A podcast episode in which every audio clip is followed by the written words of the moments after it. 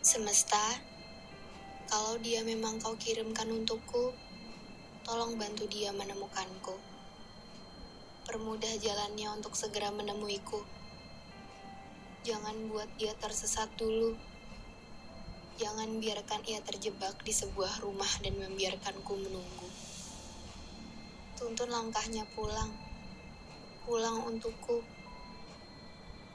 Tapi tapi jika kau kirim dia cuma untuk mengantarkan pelajaran, menitipkan luka, singgah dengan waktu yang sebentar, tolong bantu aku untuk bisa melepaskannya. Permudah jalanku untuk segera pergi dari dunianya. Jangan buat aku tersesat di dalam cerita yang tak pernah ia tuliskan untukku. Jangan biarkan aku terjebak di sebuah rumah yang sudah ada penghuninya. Tuntun langkahku pulang semesta, pulang meninggalkannya.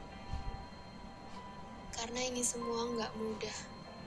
Aku seperti berada di tengah sebuah jembatan yang rapuh. Dan menunggunya menjemputku cuma akan mengorbankan waktu. Yang bisa kulakukan cuma diam di tempat, walau pilihannya sama-sama membebaniku. Kalau aku terus di sini, aku akan jatuh bersama mimpi-mimpi indah yang telanjur kuangankan bersamanya.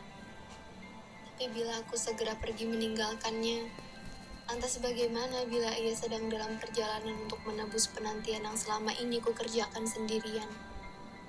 Bagaimana bila aku tidak ada ketika harusnya dia sudah berhasil menemukanku?